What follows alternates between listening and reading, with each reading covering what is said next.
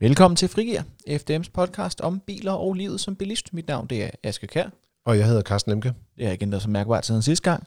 Øhm, I dag der skal vi tale om en af de mest solgte biler i Danmark i mange år. Ja, hvis man går tilbage og kigger igennem de sidste fem år, så øh, er Peugeot 208 den bil, der er blevet solgt flest af herhjemme. Og det er øh, især fordi, de har solgt den på nogle utrolig attraktive kampagnetilbud. Øh, ja, og den, øh, den kommer i en ny version, Carsten. Og den har vi faktisk begge to været ude at køre i. Øh, I dag det er jo et mandagsafsnit, det vil sige, at vi taler om, om nogle af de nyeste biler, der kommer ud på markedet. Og i dag der skal vi tale om den her sarnumsbundne Peugeot 208. Hvad, øh, hvad er nyt i den i forhold til den gamle? Jamen jeg siger, det nye ved, ved Peugeot 208 øh, faktisk følger lidt en trend, som man kan se øh, også hos Renault Clio, som vi testede her for et par måneder siden. Det er, at den simpelthen har fået, den er virkelig blevet beefet op inde i kabinen. Altså den blev utrolig luksuriøs og lækker. Og øh, de har fået et rigtig flot design i kabinen, og der er mange smarte, lækre detaljer. Øh, og de har for eksempel nogle knapper, øh, som sidder under, øh, skal man sige, der er sådan en, trykskærm, det er der jo i de mm. fleste moderne biler. Men der er også nogle knapper under den her skærm. De er faktisk rigtig lækkert lavet. Øh, og det, det synes jeg sådan, det, det er nyt i miniklassen, hvor man normalt har sparet lidt for, på materialerne for at få økonomien til at hænge sammen. Ja, jeg har, også, jeg har også selv kørt den. Øh, man kan opleve mit sprøde baby-ansigt øh, i, øh, i motor øh, når det er mig, der, der kører bilen på billederne i motor, der kommer her. Øhm, en ting, jeg lagde mærke til, det er det her med, at øh, den der skærm, der sidder i midterkonsollen, den er faktisk vinklet over imod føreren. Altså det er svært at forklare, men den, sådan, den, den hælder lidt Ja, nå, højre, det, er, det er klassisk. Øh, det, det gør man normalt i biler. Altså, men det er jo chaufføren, der skal kunne betjene selve øh, bilen, og derfor så øh, har man altid vinklet tingene en lille smule hen mod føreren. Så øh, også især med de her skærme, hvor du skal kunne nå dem, Øh, hvis det var et skærm, den hældede den opad eller udad til passagersiden, så ville det være svært ligesom at ramme den højre side af skærmen. Ikke? Så, så derfor så giver det god mening, at den er vinklet lidt hen mod dig som chauffør. Ja. Hvad, øh, hvad, hvad, hvad er den særkende? Jeg vil sige, øh, en af de ting, som der er særkender ved, ved Peugeot generelt, det er, at de har det her kørende med, at de har en meget lille ret, mm. og så har de instrumenterne siddende hen over øh, rettet. Men i øh, 208, der har de faktisk lavet sådan et, et slags 3D-display, hvor man ligesom kan se øh, øh, hastigheden ligger svæve sådan ude foran øh, resten af in- instrumentbordet. Mm. Øh, og det er så et helt digitalt instrumentbord. Og, og det de så har gjort i virkeligheden, det er, at de har faktisk to digitale skærme, og den ene den bliver så spejlet ned på sådan et stykke plastik. Øh, det, og det, øh, det ser bare helt vildt fedt ud, når man kører med det. Jamen det er sjovt, fordi en umiddelbar tanke, når du siger, at der er en 3D-effekt på instrumentbordet, det er, at der er et eller andet inde i mit hoved, hvor der er en lille bullshit-alarm, der går, for det lyder øh, sådan lidt gimmickagtigt. Altså er det noget, man rent faktisk kan mærke? Altså gør det en forskel?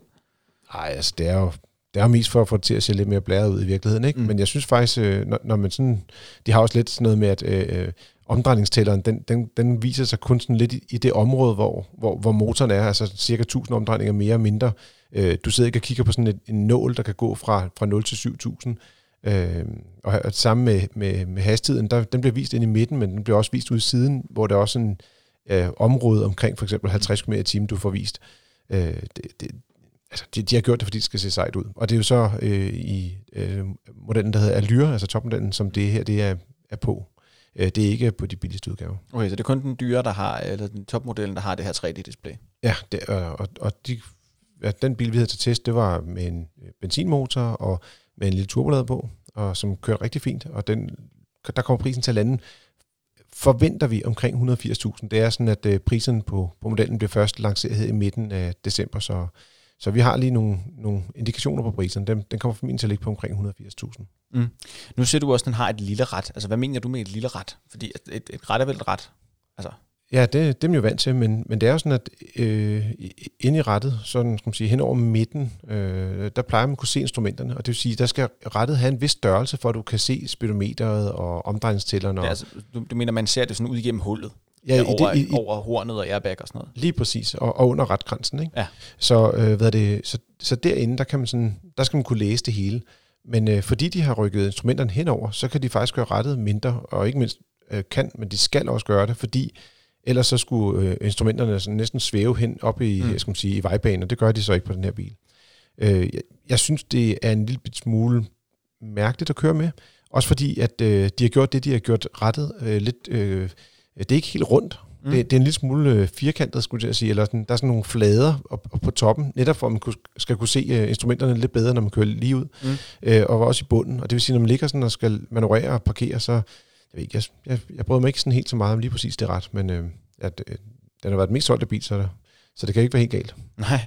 Hvad, øh, hvad har den, øh, altså udover, øh, udover et ret, der er citat lidt spøjs, der kører med, øh, hvad, hvad, har sådan nogle, hvad for nogle svagheder har, øh, har 200 så? Jeg vil sige, man kan diskutere, om det er sådan en decideret svaghed. Det er i hvert fald et valg, de har truffet, og, og, og en måde, hvor den adskiller sig fra nogle af de andre biler, der er på markedet i miniklassen. Øh, men, men benpladsen på bagsædet er ikke specielt øh, imponerende. Mm. Så øh, det, jeg vil sige, det, det er sådan et sted, hvor man finder ud af, at, at altså, hvis man har sådan en idé om, at man skal have en minibil, og den skal kunne rumme hele familien, så, så er 208'eren, den, den, den kan jo så ikke gælde, hvis det er, at man er, er, er meget over 1 meter og, og et par 80. Ja. Nu, nu ser du miniklassen. Hvad, hvad udgør miniklassen egentlig? Altså, hvad betyder det? Jamen, man deler øh, alle biler op i, sådan traditionelt set i, i, i en, nogle forskellige størrelser af biler. Mm. Og, og det er typisk øh, meget, meget teknisk er det på noget, der hedder akselafstand, altså hvor meget afstand der er mellem hjulene foran og hjulene bagved. Øh, og og jo, jo længere afstand der er, jo, jo større en klasse er det. Og det starter med mikrobiler, de er sådan de mindste. Mm. Så kommer minibilerne, det er så dem, vi snakker om i dag. Og så kommer mellemklasse, store mellemklasse og luksusklasserne. Og så øh, bliver bilerne større og større. Okay. Hvad, øh, hvordan hvordan øh, positionerer 208 sig i forhold til de andre biler i det her, øh, i det her minibilsegment, eller hvad man kan sige? Jamen, den, den ligger så sådan, vil jeg sige, pladsmæssigt nogenlunde i midten. Øh, mm. der, der er nogle enkelte biler, som har meget lidt plads på bagsædet, som for eksempel øh, Nissan Micra har, har rigtig mm. dårlig plads på bagsædet. Øh, men så i den anden ende er der dem, der skal man sige, hvor du får god plads på bagsædet. Det er sådan nogle biler som øh, Seat Ibiza og, og Volkswagen Polo. Okay. Hvad, og så er der også noget med, der er også noget med sikkerheden i 208'eren. Øh, når der bliver lavet de her, der bliver lavet de her, øh, det man kalder Euro NCAP, European New Car Assessment Program. Ja, altså øhm, det, det er bare en crash test. Øh, ja, mest kendt som Euro NCAP. Jeg tror ikke, der er så mange, der kender forkortelsen. Nej, men, man, eller, hvad den står for. Man, man, man smadrer en masse biler, øh, og så ser man, hvor godt de klarer sig. Og der har 208'eren lidt fået en ris i lakken ud af porten. Ja, altså den har ikke fået øh, fem stjerner, som man lidt øh, går efter i dag, og, og gerne vil have de der, den, den maksimale sikkerhed, og blandt andet mm. også den, den meget store konkurrent, Renault Clio, har fået fem stjerner, og så kommer Peugeot samtidig og kun får øh, fire. Og, og en af årsagen, det er, at deres øh, nødbremse, den findes faktisk i to udgaver, mm. øh, og med den nødbremse, der er standard, der kan man i hvert fald ikke få fem stjerner, og der menes, at det muligvis godt kunne få fem stjerner, hvis man havde den avancerede nødbremse. Den følger med i en pakke, hvor der også var noget adaptiv fartpilot, som man måske mm. godt kunne tænke sig i forvejen at have på sådan en bil her. Så det er lidt ærgerligt, men det er også en, en lille streg regning på modellen. Okay. Hvad hedder det? Øhm, så er der selvfølgelig også, øh, hvad der efterhånden er elefanten i rummet, når nogen lancerer en bil i dag, Karsten. Kan den køre på strøm? Det kan den øh, ikke endnu, men øh, den starter med at komme som en benzin- og dieselvariant.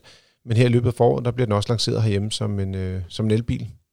Og øh, de priser, jeg har set på den, jeg mener, de lå på omkring 230.000 kroner eller sådan noget. Så det er ret fornuftigt prisleje for en bil, der får en, øh, en god rækkevidde på, på over 300 km. Altså nu mm. må vi se, hvordan det er i praksis, ikke? men i hvert fald har den en, et, et pænt størrelse batteri, og hvad det, jeg har været kort ind i bilen også, og kørt i den øh, meget kort, men øh, øh, fordi det var sådan en præproduktionsbil, øh, så køreegenskaberne kan jeg ikke sige så meget om, men øh, det virkede meget som de andre 208 i pladsforhold og størrelse og sådan nogle ting, men øh, man har selvfølgelig den fordel, at, øh, at det er meget nemt at køre elbil, der er automatgear, og ja, det, de er bare rare at køre i. Ja, så der kan man sige, det er jo, og det er jo virkelig sjovt, fordi det er jo, det er jo en beslutning, der, man kan jo ikke sige, om det er godt eller skidt, men det er jo en beslutning, man træffer, hvor man siger, vil man have en elbil, der minder rigtig meget om en benzinbil, men hvor den eneste forskel er, at den kører på el, eller vil du have en bil, som er en elbil, og som i den sammenhæng har valgt at være en lille smule anderledes? Som der, ja, her, der Tesla er, den, er jo et oplagt eksempel, ikke?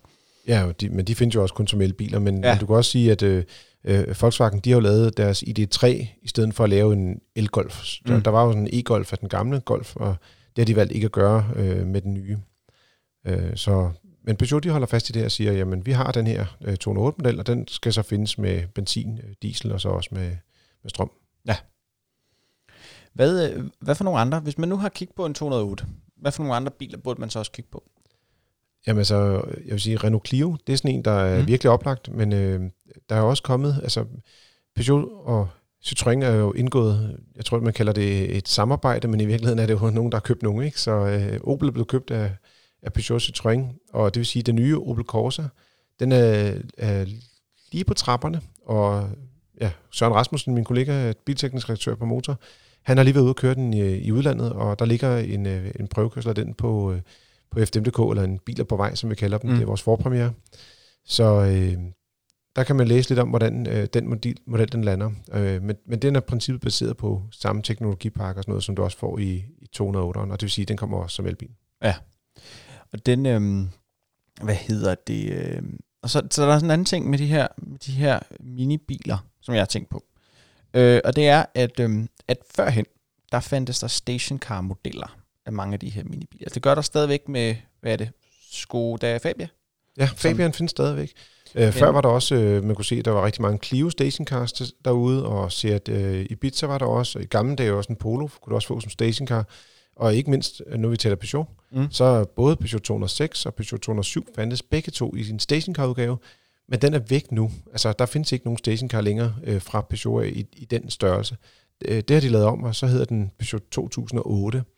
Og øh, det vil sige, der har de lavet en, øh, der, der er så to ekstra nuller i, mm. øh, i, i bilnavnet, og det betyder, øh, at det er en SUV, eller øh, sådan, sådan en MPV SUV størrelse bil. Så det er et stort bagagerum og, og lidt bedre plads i kabinen. Men øh, også lidt højere, end hvis du havde valgt at have en stationcar. Ja. Hvad, øhm, er, det, er, det, er det normen nu, at der er øh, SUV'er i stedet for? Ja, det er det. Er det. Altså, man kan sige, at det, det er jo nærmest kun uh, Skoda, der er tilbage med en, med en stationcar. De kører lidt på, på pumperne, man skal sige på den måde. Der er jo kommet, uh, den, den er ikke baseret på den nyeste generation af teknologiplatform mm. fra Folkevogn-koncernen. Så, uh, så de, de kører stadigvæk med en stationcar-udgave af, af Fabian. Jeg, jeg ved faktisk ikke, om der kommer en uh, Fabia stationcar af den næste generation. Uh, men det er i hvert fald den sidste. Og alle de andre, de skifter over til den her klasse, som hedder uh, uh, B-segment SUV. At det, det er fordi minibilsklassen hedder en B-klasse, og, og så det her, det er jo så SUV-udgaven af, de, af minibilerne, kan man sige. Ikke? Så, så 2008, det er, det er ligesom stationcar-udgaven af en, af en 208, hvor du så har lidt ekstra plads i. Ja, og det er så fordi, grunden til, fordi du snakker om segment, det handler om, hvor langt hjulene er fra hinanden.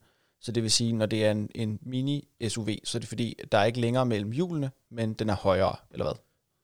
Ja, altså du kan sige, den, men det er lidt i, i klasser, men det, det er lidt, måske lidt teknisk og nørdet det her, men, men i virkeligheden er det bare for at adskille størrelserne, at de forskellige størrelser mm. SUV'er også siger, at det her det er bare mini-størrelsen af en SUV. Ja, okay. Hvad hedder det? Um, hvad, øh, hvornår, altså for hvilken, hvilken type bruger vil det give mening at gå ud og købe en 208 af den nye, der kommer?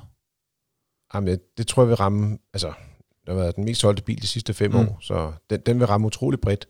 Det bliver selvfølgelig spændende at se, de endelige priser, når de lander her i, i midten af december. Øh, men lurer mig om ikke, de har nogle, øh, nogle super attraktive pakker. Jeg synes, det skal være, hvis folk de godt vil have en bil, jeg synes faktisk, den er, den er ret øh, pænt designet, både udvendigt, men også indvendigt. Så det er nok nogen, der gerne vil have sådan en, sige, en moderne bil, hvor der er, der er lidt, øh, lidt til øjet også. Øh, den eneste ting, som er måske lidt for smart designet, det er knappen til sædevarmen. Øh, den ser vildt flot ud, men øh, du kan sådan ikke mærke, om du trykker på knappen, så du skal sådan sidde og kigge på et lys, om du har ramt eller ikke ramt ordentligt på, på den der tryksensor. Øh, og nogle gange så, øh, ja, så rammer man uden at ramme, og andre gange så rammer man dobbelt, når man tror, man har ramt en gang. Så den, den, den hænger måske lidt, ikke? men ellers så synes jeg, det er virkelig en lækker bil, øh, og, og meget behagelig at køre i også. Mm. Så hvad hedder det, øh, men altså det er jo ikke, det er jo ikke, er det, er det også, altså er det også en familietransport? Altså kan man også, kan man også hælde nogle unger ind i den, eller bliver det fuldstændig kaos? Nej, der vil jeg sige, der, altså, der, den kan jo godt gå an, øh, øh, hvad det, hvis ikke man er så høj. Det kommer meget ind på dem, der sidder på forsiden, hvor høje de er. Altså, hvis man er, øh, altså nu er jeg jo desværre 1,85 meter, ikke? Og, og det vil sige, når jeg sætter mig ind bag rattet, så er der altså ikke særlig meget plads bag mig. Mm-hmm. Men det er klart, at hvis man var, måske var 1,80 meter eller 1,75 og satte sig ind, så vil der blive det mere benplads på bagsiden. Ja. Øh, men uanset hvad, så vil jeg sige, det er ikke sådan en, hvor man siger, at øh, her har du en minibil, der er en stor familiebil. Der skal man op og, og vælge Seat Ibiza eller eller Folkevogn Polo. Alternativt gå over og kigge på, på den nye 2008, når den kommer til næste år. Den, den har vi også en prøvekørsel af, der på vej på, på FDM.dk. Ja, så hvis man gerne vil have noget lækkert design, og man gerne vil kunne vælge drivmiddel, som man vil, så er den lige omkring de 200.000, så er Peugeot 208 måske ikke et dårligt valg. Ja, og, og priserne kommer til at starte øh, noget længere nede, hvis man mm. tager med, med de små motorer uden turbolader, og ikke vælger topudgaven med, med 3D øh, skal man sige, instrumentbord øh, og, og lægger øh, skal man sige, kilometervisning. Ikke? Så jeg vil sige, det, det er en bil, der rammer, rammer rigtig pænt ind, øh, men jeg nok anbefale, at man også prøver at gå efter modeller, hvor der du har den her adaptive fartpilot. Ja, og derfor også den gode nødbremse, vel? Ja. Ja. Men det var, øh, det var det, vi havde for i dag, tror jeg. Jeg håber, du er blevet briefet på, øh, på 208'eren. Øh, jeg er i hvert fald blevet klogere, vil jeg sige. Om ikke andet, så kan man jo gå ind og læse øh, på fdm.dk eller motor.dk. Der, der er det måske lidt nemmere at finde direkte ind til biltesten. Der ligger hele stortesten af den nye 208, og så kommer den selvfølgelig også ud i motor her i vores 9. udgave i 2019. Ja, du har lyttet til Frigir fra FDM. Øh, som altid kan du sende ris, ros, spørgsmål eller alt muligt andet sjovt til øh, podcast i noget så gammeldags som en e-mail. Du kan også give os øh, et eller andet antal stjerner, som du finder passende på din, øh, din yndlingspodcast-platform, eller følge os. Du kan sende det til en ven. Øh, der er ingen grænser for, hvad du kan opnå. Men øh, vi høres ved næste gang på fredag. Øh, vi kommer to gange om ugen, mandag og fredag. Mandag, der taler vi meget om biler, og fredag, der taler vi mere om bilisme. For eksempel talte vi sidste gang om vinterdæk. Vi høres ved næste gang. Hej hej.